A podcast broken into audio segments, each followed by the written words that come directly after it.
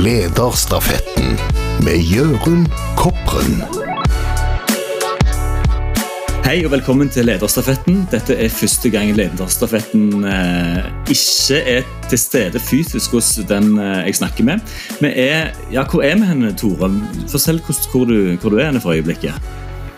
Ja, Nå sitter jeg på kontoret på Olympiatoppen på Sognsvann. Og vi har jo eh, en sånn policy da, at alle som jobber med oss, og alle som vi jobber med, de skal oppleve utvikling. Vi skal oppleve utvikling, og de vi jobber med skal utvikling. Så det at du nå første gang tar i bruk kamera på denne måten, det er helt i ånda til Olympiatoppen. Vi finner alltid noen måter å drive utvikling på sammen med våre partnere og idrettene. Tore Øvrebø, fortell litt om, eh, om hvem du er, og hvorfor det står Norge og Olympiatoppen bak på veggen bak deg. Det er ikke så lett å være kortfatta når vi skal fortelle hvem vi er når vi har rukket blitt 57 år og har vært med på mye spennende i livet. Men rollen min er toppidrettssjef i Olympiatoppen. Olympiatoppen er en del av Norges idrettsforbund. Det er den operative delen av Norges idrettsforbund inn mot toppidretten. Så det betyr at vi jobber sammen med eh, landslagene og utøverne på å gjøre de beste litt bedre. Og så skal vi jobbe for at de beste skal bli flere, altså et mangfold i toppidretten. Og så skal vi jobbe for at overgangen mellom en lovende ungdomskarriere kan bli til et seriøst eh, eh toppidrettsprosjekt på seniornivå. Og så skal vi snakke litt om at du har vært, hatt en eh, bakgrunn som, som, roer. Men hvordan var det du havna i den stolen du sitter i nå? Eh, ja, det er jo Det har vært eh, Veien har blitt til mens jeg har gått an. Det har ikke vært en uttalt ambisjon å bli toppidrettssjef. Eh, det begynte med at jeg drev med idrett sjøl, som du sa. Jeg rodde. Og, og jeg rakk å være med i et OL i 1988 som da hvis noen trodde at det var lenge siden, så tar de helt feil. Det er nesten i går. Eh, det gikk ikke så bra, men jeg lærte mye av å være med. Og så ble jeg trener eh, i roing rett etterpå og var med i landslagssystemet i noen år. Og så var jeg i Bergen og studerte, og da jobbet jeg på klubbnivå. Og så ble jeg landslagstrener i roing, og så er det det som er, var inngangen til å bli en del av Olympiatoppen når jeg var ferdig med det. Og Den perioden den varte fra 1997 til 2004. Og Da eh, var det en utøver som tok OL-gull, som het Olaf Tufte. Og da var det noen som syntes at det som jeg drev med som leder og som trener, virket lovende. Og da ble jeg invitert til å være med i eh, Olympiatoppen. Og så har jeg vært der siden 2004 i forskjellige roller. Og når min forgjenger valgte å tre til side, så ble jeg foretrukket som kandidaten til å lede Olympiatoppen videre. Så det har jeg gjort siden 2013. La oss dvele litt med eh, OL 2004. Vi har hørt mange eh, reportere spørre hva føler du nå til de som utøver dette. Men hvordan var det å stå og se på og være med i trenerteamet og se at dette gikk helt til topps? Ja, Vi hadde jo en anelse om at dette kunne bli ordentlig kjekt. og Det hadde vi jo forberedt i lang tid, så vi var godt forberedt på at det kunne gå bra. Men så er jo idrett det er jo en sånn øyeblikkssak. Altså Du vet jo ikke utfallet når du starter. altså Ting må skje. Så uansett hvor godt forberedt du er og hvor gode forutsetninger du har, så må du faktisk få det til å skje akkurat der og da, den dagen i den fireårssyklusen. Så det var jo eh, høyt spenningsnivå, for å si det sånn. Og det er litt eh, rart at du spør, fordi at den dagen ble veldig spesiell. For jeg skjønte jo at eh, nå gjør vi oss klar til finale. Hvor skal jeg se denne finalen? Og nede i Aten så var det ikke lov å sykle langs bredden sånn som vi pleier å gjøre som rotrenere, og se på fra sykkelsetet. Vi måtte rett og slett være i målområdet hele veien. Og Dagen før så sjekka jeg med de guttene som styrte storskjermen, om vi kunne stå under den og se på en liten monitor som de hadde i et telt ved siden eller en container eller et eller annet. Og så fikk jeg lov til det, da. Så når eh, Olaf rodde opp til start og gjorde seg klar, så stilte jeg meg opp der og så så på dette løpet på en liten monitor. Og da husker jeg at jeg ble ganske alterert. Da. Jeg ble berørt av situasjonen, for du skal være så kul på forhånd. ikke sant? Som, som trener så skal du jo uttrykke stor eh, ro og trygghet for utøveren, sånn at utøveren lettere klarer å forholde seg til de indre spenningene som er i et sånt begivenhetsrikt øyeblikk som dette her. Og da fikk jo alt nervøsiteten min utløp, for da var jeg jo helt alene. Jeg husker når Olaf rodde forbi, da var det sånn 250 meter igjen, og da hadde han latvieren kommet opp på sida av han. Så jeg tenkte nå ryker det kanskje. Og Da husker jeg at beina mine begynte å gå Knærne gikk sånn. så var, det var ganske spenningsfullt, ja. Men det gikk bra. Og da var jo hendene over hodet. Du må jo øve på den muskelen òg. Jubelmuskelen den må jo være en takt i tilfelle det går veien. Og det var han heldigvis den dagen. Så da var det stor glede etterpå.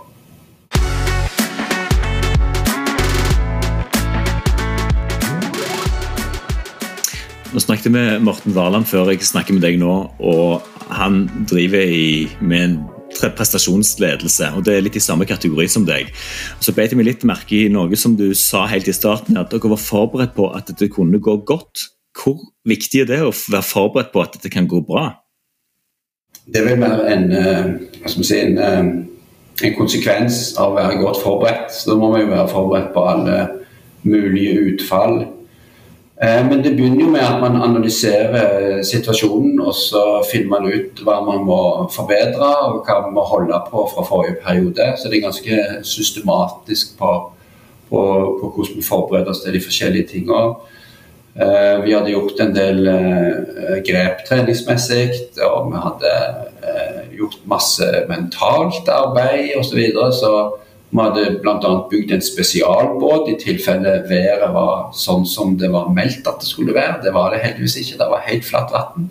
Det var meldt at det skulle være et voldsom medvind som nesten kunne føre til at folk sank. Og det gjorde de tidligere i uka, så det var ganske mange ting som var forberedt på det. Det utvikla en spesialbåt, som sagt. Og alle disse tingene som vi hadde gjort på forhånd, gjorde at eh, sannsynligheten for at vi skulle få måloppnåelse, var ganske høy hvis Ola fikk det til å klaffe i løpet og var i rette modus når han skulle ro. Så det er vel egentlig det som er inngangen. altså eh, I toppidretten, iallfall i Norge, så er vi ganske Vi driver ganske mye med det vi kan kalle for eh, målretta ledelse, da. Eh, målstyring, heter det med ett ord. Men det som vi er opptatt av, det er at vi jobber mest med det som foregår i forkant av målet. Altså, vi leder på mål, vi teller ikke så mye etterpå. Det er tiden i forkant som er viktig. Og det som er planleggingshorisonten, sånn som vi har fireårsperioder, iallfall sånn som Ola for meg jobber, jeg vet at det er en del andre idretter som jobber etter lignende metoder, det er at man rett og slett setter seg i den situasjonen der du skal nå målet. Hva er det du skal oppnå? Så flytter du deg dit mentalt, i en, altså i en framtid. Og så stiller du deg opp i framtida, og så snur du deg, og så ser du mot nåtiden. Hva må vi ha gjort? Når? Med hvilken kvalitet? Og så lager vi planen fra den dagen du lykkes, og framover mot din egen tid. Sånn at du ikke planlegger framover, du planlegger bakover fra tenkt tid. Det er en metode som heter premortem eller noe sånt. Men det, den fant vi etterpå at det var en metode som hadde det navnet. Og det fant de på lenge etter oss, de som fant på den metoden. Og det vi kan si at eh, For dette gjentok vi jo fire år etterpå. Ola fant igjen i, i 2008. Og så Det var en litt spesiell situasjon. Da skulle jeg overta som en slags vikar. da ut fra jobben min på Olympiatoppen i 2007. Og når, og når Olaf og meg ble klar over at vi skulle ta dette ansvaret i lag og sørge for at han gjorde det bra i Beijing, det første jeg gjorde da, det var å lage forsida på det foredraget som Olaf og meg skulle holde når vi skulle fortelle verden hvorfor det gikk så bra i Beijing og at vi vant. Så da lagde jeg forsida på det foredraget som vi skulle holde etter Beijing 2008, og så planla vi mot 2007 den veien. Og det gikk nesten som planlagt hele veien. og det endte med måloppnåelse. Så jeg har jo tro på den måten å forberede seg på, for da blir man veldig opptatt av å gjøre tingene på riktig tidspunkt med riktig kvalitet for å nå det målet som man har satt seg. Akkurat den teknikken har vi jo sett i, næringslivet òg. Se hvordan har du det når alt har gått bra og alt er akkurat 100% sånn som du forestiller deg.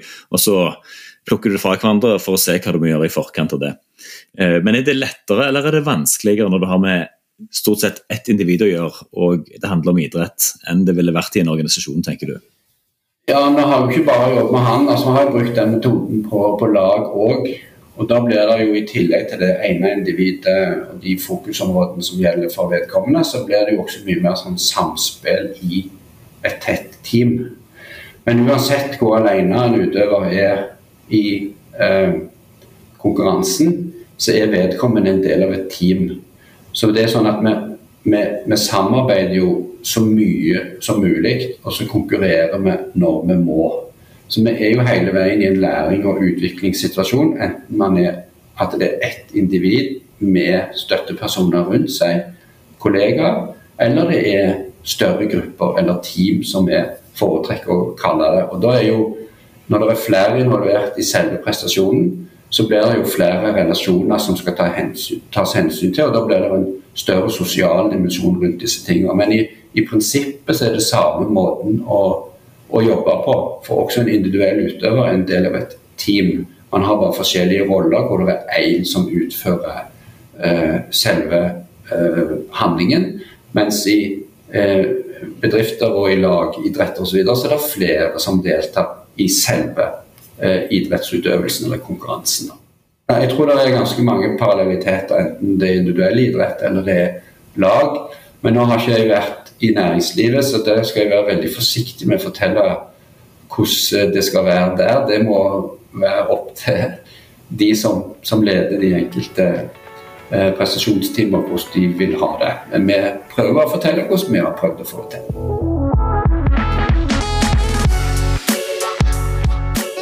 For dere jobber jo med vinnerskaller, og det for meg høres veldig todelt ut. Veldig kjekt men òg veldig utfordrende. For vi har jo sett hva slags ego en kan ha, og hvor fokusert en er på seg selv og sin egen utvikling, sin egen prestasjon.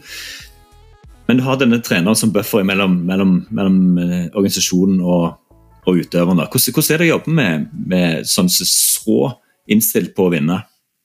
Ja, nå kan jeg si at Det er jo en del vinnerskaller blant trenerne òg. Så hvor mye buffer det er, det vil jo variere sterkt etter hvem vi møter. Og det er jo den individbaserte tilnærmingen.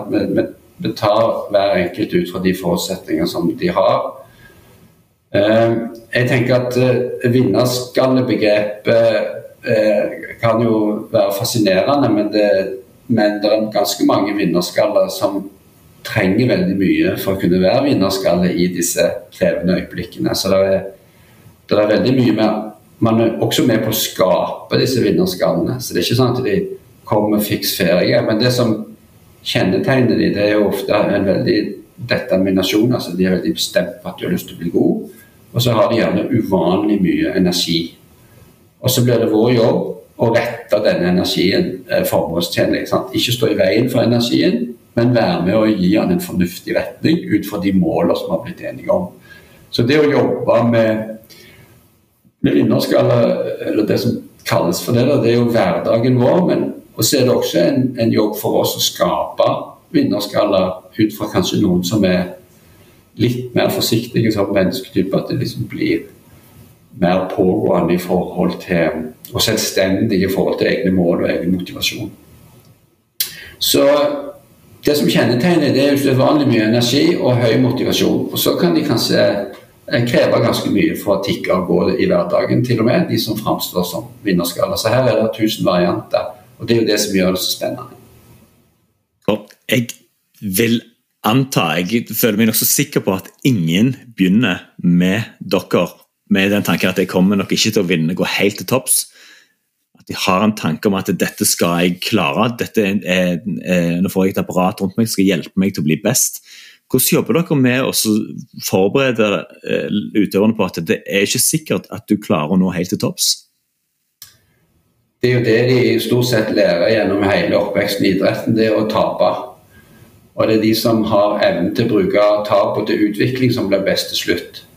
Det er veldig få av de som har vunnet hele veien, som når helt til topps. De fleste har vært litt bak i løypa og lært av de som har vært bedre enn seg. Så, så det er mye nyanser på det, den forutsetning som du hadde der, Jørund, når du sa at de var sånn når de kom. Det er veldig mange som blir sånn av å være her. Og Det er jo et eller annet med å det er jo helt tilbake til Aristoteles var litt sånn pretensiøs. Det er jo det, den beste måten å lære på, det er å henge sammen med de som er best på det området du har lyst til å bli best på. Altså være i en kultur hvor du blir hele veien stimulert eh, med de eh, utviklingsmomentene eller de utviklingselementene som gjør at du blir god. da. Så det er jo, det er det er jo en, kanskje en av de aller viktigste rollene vi har. Nå har jeg snakket litt om fag og liksom samspill med utøvere, trenere osv. Men det er jo denne møteplassen at vi, vi jobber på tvers av idrettene, og på tvers av fagene og henter folk inn, og de får være i miljøet her. Og det er jo det, Da henger de med de beste, og det, det, lærer de utrolig mye av. Så kanskje den aller viktigste utviklingsarenaen vi har her på huset, det er kantina. Da sitter folk og spiser sammen, og de møtes på tvers av både av idretten og de møtes på tvers av prestasjonsnivåene. Sant? Og treffer yngre utøvere på vei inn i en i en toppidrettskarriere. Treffer gjerne en olympisk mester innenfor samme idrett eller en annen idrett. Og så sitter de og drøser og spiser i lag. og Der foregår det utrolig mye læring og, og utvikling. Og det er også utviklende for de som er best, for de må jo lytte til hva de som kommer bakfra holder på med, ikke sant? og lære av det og prøve å, å, å inkorporere det i sin egen utvikling. Så, så kanskje den sosiale delen, samværet på tvers av idrett og fag, er det som egentlig er den store suksesshistorien. Og, og det som er det viktigste vi gjør da, det er å tilrettelegge at vi er opptatt av at man har en type delingskultur, og at man, at man tar hverandre på alvor. At man oppfører seg ordentlig mot hverandre og er nysgjerrig og lyttende. Og, og blir et positivt utviklingsmiljø. Det er kanskje det aller viktigste. Så det som du snakker om nå, vil en eh, bedriftsleder si at det er bedriftskulturen som vi skaper, og de, den læringsarenaen som er utenfor uh, den 9-4-jobben, eller det som du gjør når du sitter i stolen din og, eller er ute og gjør jobben din? Ja, jeg tror kanskje at uh, uh, den største forskjellen på når det går på kultur og, rel og, relasjoner og den type ting, hvis du sammenligner toppidrett og næringsliv, det er at for de fleste topputøverne så er nok dette mye mer sånn døgnet rundt hele året. Altså at man investerer eh, altså man, man, bygger identiteten sin inn i toppidretten. Man bygger eh, altså man, man, man, opplever seg selv som utøver, og denne konsekvenstenkningen som er nødvendig for å kunne gjøre det bra på, på toppnivå, at du hele veien er bevisst på hva du gjør, hvilke valg du gjør, hva slags konsekvenser de har. Altså, Hvis du legger deg seint, hvordan blir treningskvaliteten dagen etterpå? Sammenlignet med det som din viktigste konkurrent uh, et eller annet sted på kloden gjør. Hold i samme kvalitet, hold i det nødvendige nivået. Så det er hele veien denne konsekvenstenkninga som dekker hele døgnet og hele året, kanskje i ti år. Eh, mens i, i næringslivet så er det litt mer det å prestere i de timene du er på jobb. Og så vil de, aller, de som lykkes aller, aller best i næringslivet, eller de som er veldig dedikerte gründere og bedriftsledere, de vil jo ligne mer på topputøvere. At de investerer mer i yrkeskarrieren sin enn de fleste som går på jobb. og har kanskje de har kanskje motiver om å utvikle seg, men noen har jo motiver mest om å holde det gående og tjene penger for det andre arenaer de Sant? Det er liksom å være godt forberedt til bridgeklubben eller kjøre eh, fjernstyrt eh, bil på Årestrand i helga. Men, men at man går og gjør jobben sin. Men, men, man investerer kanskje ikke så mye. og det, det er jo det som kanskje er forskjellen til toppidretten. At det er utøverne veldig veldig dedikerte opp mot disse målene som de har sagt at de ønsker nå.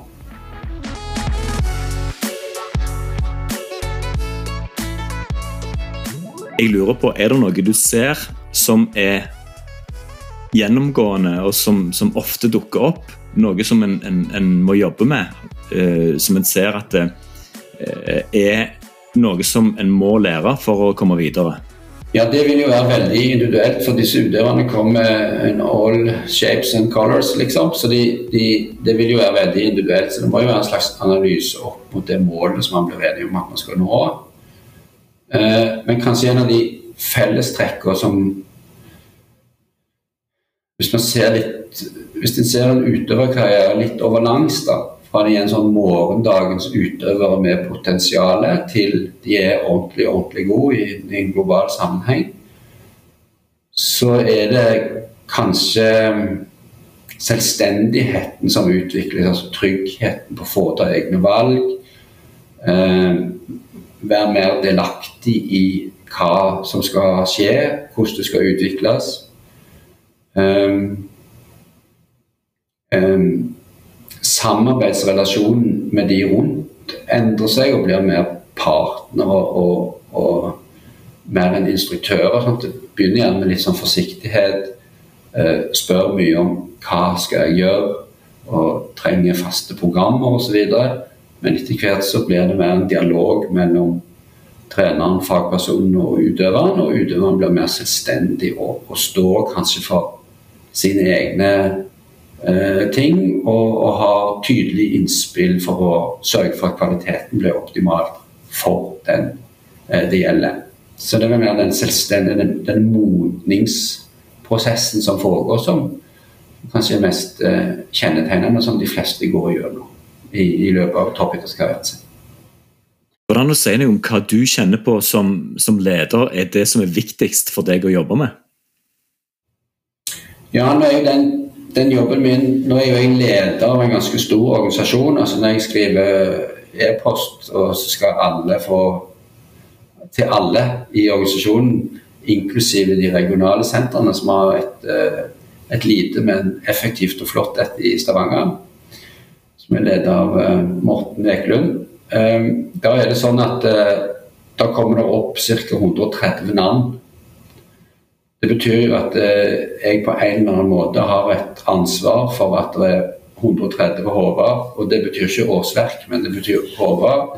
At de har eh, en noenlunde fornuftig arbeidsgiver som lager en organisasjon hvor det går an å utvikle seg og gjøre det man eh, har blitt bedt om å levere inn i den organisasjonen. Så, så det betyr at det er noen etasjer her. og, og jeg fant det ut når jeg ble leder, at det var tre oppgaver jeg skulle passe på.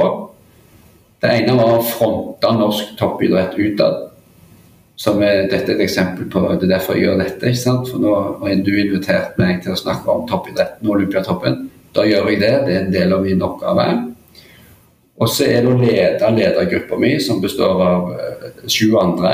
og liksom, Hvis de fungerer godt og har tydelige mandater og tydelig myndighet innenfor sine områder, så vil sannsynligvis Olympiatoppen fungere bedre enn hvis jeg fyker rundt og er sånn mikromanagement-type som skal drive og pirke på alt mulig og, og, og prøve meg ned i, ut i systemene og komme med gode råd. Ikke sant? Det å lede ledergrupper. Det er hovedoppgave nummer to. Og Den tredje oppgaven det er å passe på at eh, jeg har en viss relasjon til de fleste som eh, er en del av denne toppidretts... Eh, kulturen som vi har i Norge. Sånn at det, det er lav terskel til å ta kontakt, og, og, at de er trygge på at eh, de skjønner at jeg vil de vel, og, og, at de vet hva slags personlighet jeg har, sånn at de kan forholde seg til det når de møter meg.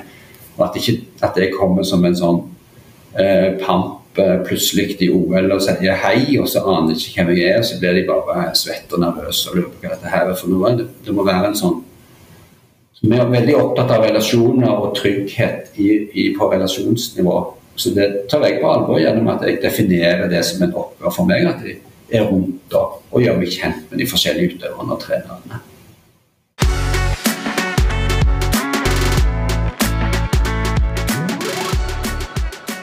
Toppledere i andre organisasjoner og bedrifter eh, har jo alltid et, eh, et slags press på seg på å få det til, da, at denne bedriften og organisasjonen skal gå bra. Men jeg vil påstå at det er veldig få organisasjoner som har så mange øyne rettet mot seg som det som dere har. Så hvis en, en, periode ikke vinner noe, ikke klarer å hevde seg, så vil noen merke det, og, og det vil bli stilt spørsmål. Hva slags forhold har du til det? eh, til det presset som jeg innbiller meg kanskje kan være mot eh, din organisasjon og din, din jobb? Det, det, tenker jeg forbausende lite på.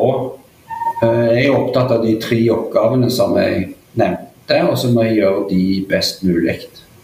Og så vet vi at det er, det er, sikkert mange flere som kritiserer oss både på økonomifordeling og fokus, og hvordan vi jobber, og hva vi står for, og hvordan vi ser ut. og alt Det der. Det vil det helt sikkert være mye mer av enn det jeg oppfatter. Men det kan jeg egentlig ikke forholde meg så veldig til. Da.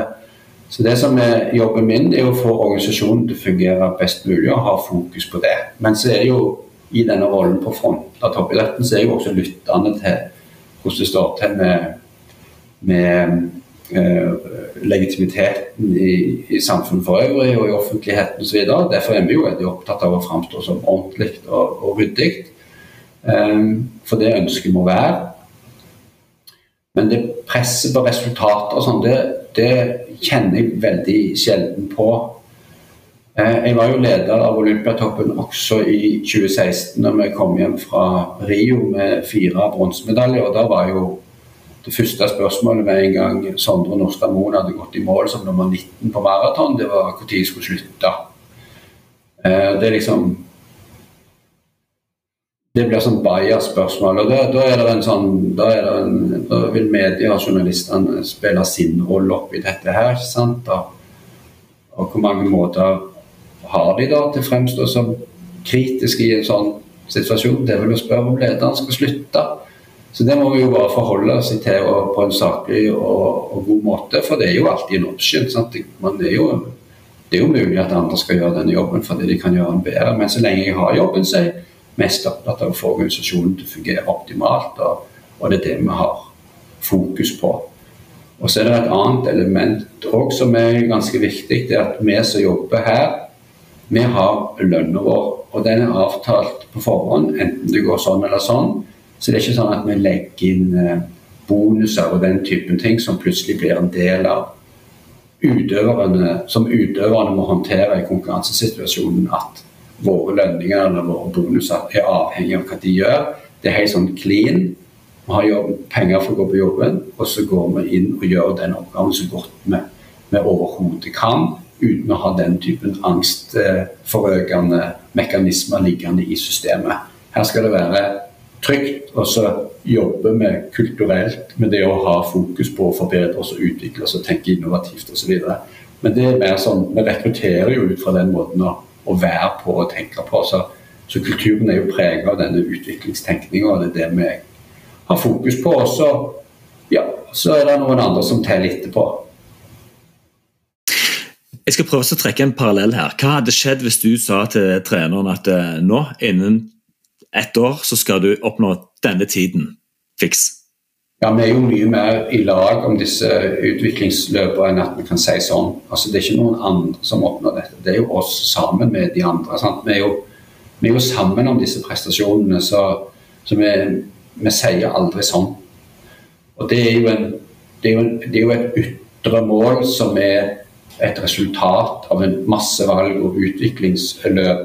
Og det er jo de valg og utviklingsløpene vi skal ha fokus på.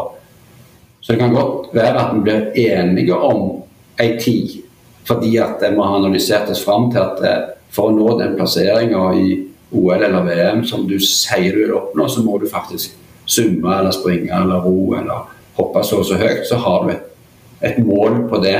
Men det er bare en måte å legge lista på. Så er det jo konsekvensen av det vi jobber med. Altså, hva betyr det for oss hvis du skal få det til? Hva må vi levere, hva må du få til, hvordan skal du leve, hva er det vi skal bidra med osv. Så, så det er mye mer den måten å tenke på enn For det blir for enkelt, eh, og jeg har heller ikke den verken instinkt eller mandatet til å si at noen andre skal oppnå det og det fiks. Det er ikke sånn vi jobber. For den Parallellen jeg prøver å trekke i næringslivet at en bare måler på resultater, ikke på innsats og prosesser og ting som må til for å oppnå et resultat. Hva vil du si til, de som sitter og forventer at eh, som leder eller mellomleder at eh, de under meg de skal nå dette, og det er noen andre som skal fikse det? Ja, da vil jeg si at eh, de må selv velge hvordan de leder. Vi forteller bare hvordan vi tenker om ledelse og utvikling, og så får næringslivet eller andre eh, ta ansvar for sin egen læring eller, eller eh, avvisning av den måten å tenke på. For det kan være andre verdier som preger kultur, eller det er andre typer mennesker som er en del av kulturen. Hvis man har masse ikke-motiverte medarbeidere, så blir det kanskje mer nødvendig med en sånn ytre motivasjon enn hvis man har veldig motiverte medarbeidere. Så jeg skal være veldig forsiktig med å fortelle næringslivet hvordan de skal organisere sine hverdager. Det jeg kan gjøre, er å fortelle litt om hva vi prøver å få til. Absolutt. Men du, du, foreleser. Du eh, besøker BI, forstår jeg, eh, og forteller de litt om, om dine erfaringer og hvordan de kan dra nytte av det. Fortell litt om, om hva du foreleser om. Nei, Når de inviterer meg, så inviterer de jo en som har definert tre oppgaver. Sant? Det å fronte toppidretten, det er lede ledergruppe. Så, så, sant? så jeg begynner jo alltid med å fortelle hva Olympiatoppen er. Og så, og så er det jo sånn da, Jørund, at selv om jeg sier at det er disse, det er disse måtene å tenke forberedelser på, å organisere seg opp mot mål og den type ting som er måten vi tenker på, så vet vi jo hvorfor vi er her. Det er jo for å vinne. Men det er liksom hvis du har for fokus på den vinninga, så har du kanskje litt for lite fokus på forberedelsen av det som er nødvendig å gjøre i forkant. Men vi, vi er der jo for å vinne. Så jeg prøver kanskje å vise fram den balansen mellom å være leder for en organisasjon som kan betegnes som en eh, ambisiøs eh, omsorgsmaskin Altså, Menneskene skal ha det bra, de skal være trygge, de skal oppleve utvikling. Men samtidig så er denne ambisjonen om å være best i verden, den ligger liksom i lufta hele veien. og den, Det er det som er referansene. Hva gjør de beste i verden? Hva gjør du nå? Hvordan skal vi løfte deg opp der? Eller aller helst forbi. Eh, og så forteller jeg om, eh, om denne eh, viktigheten av å holde fokus på det som er det viktigste av det viktige. Eh, for det er fort gjort å bli dratt av gårde på fancy ting som ikke er kjerneoppgaver, og ikke er det som driver eh, eh, skal si, målene fram, da, eller driver organisasjonen fram mot målene. Og Da har vi definert tre ting i toppidretten. Det ene er at vi, når du går hjem om kvelden, så skal du vite at du har bidratt til ett av tre områder. Iallfall hvis du er ansatt i Olympiatoppen. Det er enten å styrke daglig treningskvalitet for en utøver eller en utøvergruppe det er å være med å styrke eh, relasjonene i teamet. Altså hvordan de jobber sammen. Det er verdiarbeid. ikke sant? Hvordan har vi det sammen? Hvordan deler vi kompetanse? Hvordan er vi med hverandre? Hvordan skaper vi utvikling hos hverandre? Det er den andre. Og det tredje er eh, konkurranse, forberedelser og gjennomføring. Det er jo der vi viser fram forberedelsene, det er jo i konkurransene. Og Der har jo Olympiatoppen en viktig oppgave med at vi vi forbereder og, og har logistikkansvar for OL og Paralympics og en del andre felles idrettslige leker. Og Det er jo noe vi bruker mye tid og energi og ressurser på. Det å møte i OL og Paralympics som den best forberedte nasjonen. Så det er liksom headingen der. Best forberedt. Og så får vi eh, vurdere hva det skal bety i det enkelte tilfellet. Så jeg kan si det at i slutten av, denne, slutten av denne måneden så skal jeg til Los Angeles. Da begynner vi å forberede OL i 2028. Det er vår første inspeksjonstur til eh, OL og Paralympics i 2028. Så vi er ganske tidlig ute for å være best forberedt. Så det er ganske mange løp som går nå. Sant? Det er 2028, vi har 2026 som er i Nord-Italia, og så har vi Paris som vi skal forberede. Så, så disse tingene ruller og går. og Det er en måte vi driver på. Vi sikter langt fram, samtidig som vi er veldig konkrete i hverdagen. Så det er kanskje det jeg forteller mest om. da. Og litt om hvordan vi er organisert og hvordan vi tenker. og ja.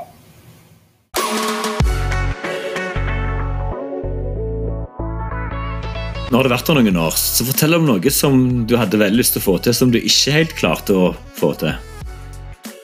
Eller fins ikke det? Er det sånn som bare forsvinner veldig fort vekk ifra mentaliteten til toppidrettsutøvere at dette her kan vi ikke dra med oss? Ja, altså du, du, det, ja, altså, du må jo hele veien tenke framover. Men, men, det er jo når du ikke får til ting, så lærer du av det også. Eh, det er et par ting som jeg jobber med, som jeg jobba med i veldig mange år. Eh, det ene er å bygge et nytt hus her. Det tar tid. Vi, vi krangler litt med plan- og byggeetaten i Oslo. For de har ikke lyst til å gi dispensasjoner fra et svært bygg som vi hadde ambisjoner om for mange år siden, til å bygge et mye mindre bygg i dag. Det syns vi er litt uh, forunderlig, siden vi bare skal bygge mindre og penere og mer miljøvennlig og alt mulig. Men det er litt sånn formelle ting, så det må vi jobbe med politisk.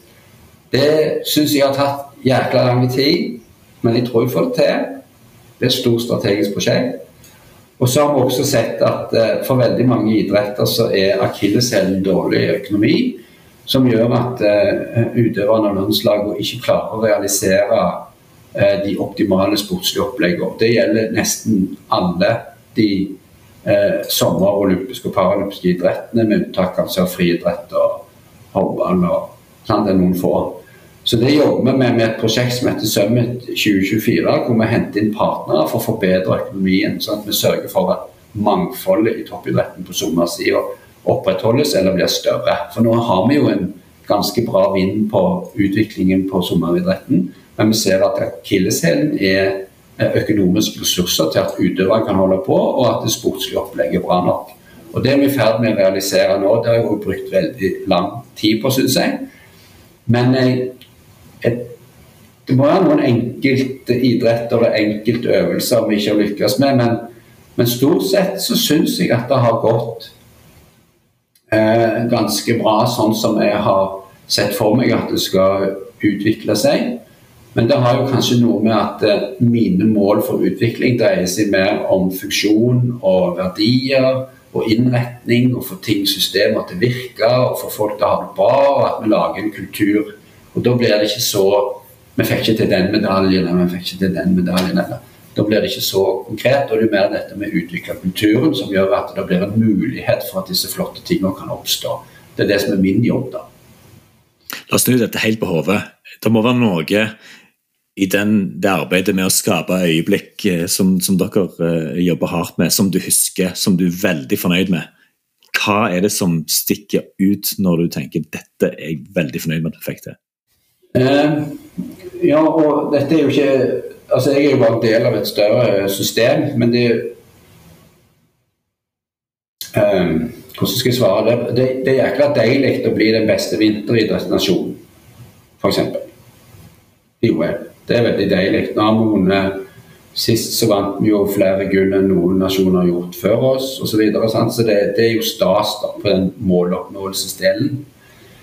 Men da må jeg si det gjør at de øyeblikkene som jeg tar med meg fra dette skjedde jo også i Pyeongchang, og, det skjedde igjen i Beijing, som var en ganske vanskelig leker pga. disse covid-restriksjonene og klima og litt forskjellig. Og det å se at vi får til de tingene logistikkmessig, planleggingsmessig, at det faktisk slår til det vi har planlagt, at analysen har vært god og vi faktisk klart å gjennomføre det, det er veldig tilfredsstillende. Det samme gjelder med, med det som vi opplevde nå sist i, i, i, på, på sommer-OL sommer eh, i Tokyo. Men det som de aller største øyeblikkene, det er faktisk når vi er inne i den indre leiren i OL-leiren og har disse feiringene når det har gått bra når utøverne fra de forskjellige idrettene samles på de små fellesarealene som er laget til, som, som noen utvikler til å bli en god sosial arena, og se hvordan de utøverne er med hverandre når noen har lykkes, hvordan de ser på hverandre, hvordan de snakker med hverandre, det blir jeg like rørt av hver gang. Da tenker jeg at det er dette vi skal få til. Det er denne måten å leve toppidretten på som er den store konkurransedriveren til det som vi kan gjøre innenfor vårt system. Eh, og så er jeg veldig stolt over at eh, vi er med å realisere den eh, hva skal jeg si, den, eh, den velferdsmodellen som vi både er med å realisere eh, og, og utnytte den velferdsmodellen som har vært den norske politikken etter krigen. At det, at tingene, verdiene er jevnt fordelt. Vi har veldig mange unger som vokser opp som har en sjanse til å velge å drive idrett eller andre måter å realisere seg på.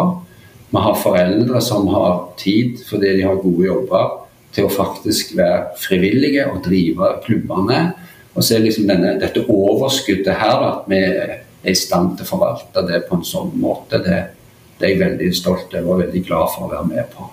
Og det håper jeg inderlig at vi klarer å holde på i fortsettelsen. At vi har denne helhetlige tilnærmingen til idretten som en del av samfunnet, og som en realisering av den måten vi ønsker å ha det på her i Norge. Det syns jeg er en fin måte å slutte på. Eh, men før vi gir oss helt, så har jeg lyst til å spørre deg eh, om hva som er dine to råd til andre ledere. Nei, Det har jeg jo allerede svart på, at jeg har ikke noe råd til andre ledere. Men kanskje det Ok, litt sånn metaråd, da. Vær nysgjerrig og snus rundt. Og, og husk at det er de rundt deg som skaper resultatene, det er ikke du. Tore, tusen takk for praten. Jeg lurer på Hvem har du tenkt å invitere med til å ta neste etappe i lederstafetten? Ja, dette tenkte jeg på når du utfordra meg, Jørund. Liksom hvor, hva, skal, hva, hva, kan være interessant for, for uh, lytterne dine og våre? Det er en kar som er nypensjonert utviklingssjef i NRK, Ivar Ragne Jensen en meget spennende fyr som har vært med på å omskape NRK fra et trygt monopolselskap som drev med linær TV, til å være en innholdsprodusent med så høy kvalitet at de faktisk holder stand eh, mot eh, de store eh, streamingselskapene. Og de har også hans, eh, i hans periode som utviklingssjef blitt mye mer sånn streamingselskap. NRK har mye større fleksibilitet. Og I tillegg så har jo nå NRK fått senderettighetene til OL i mange OL framover. Fra og med 2026 til og med Melbourne, nei, unnskyld, Brisbane i 2032. Så det er helt fantastisk. Dette blir bra. Tore, tusen takk for praten. Takk i like måte. Lederstafetten med Jørund Kopren.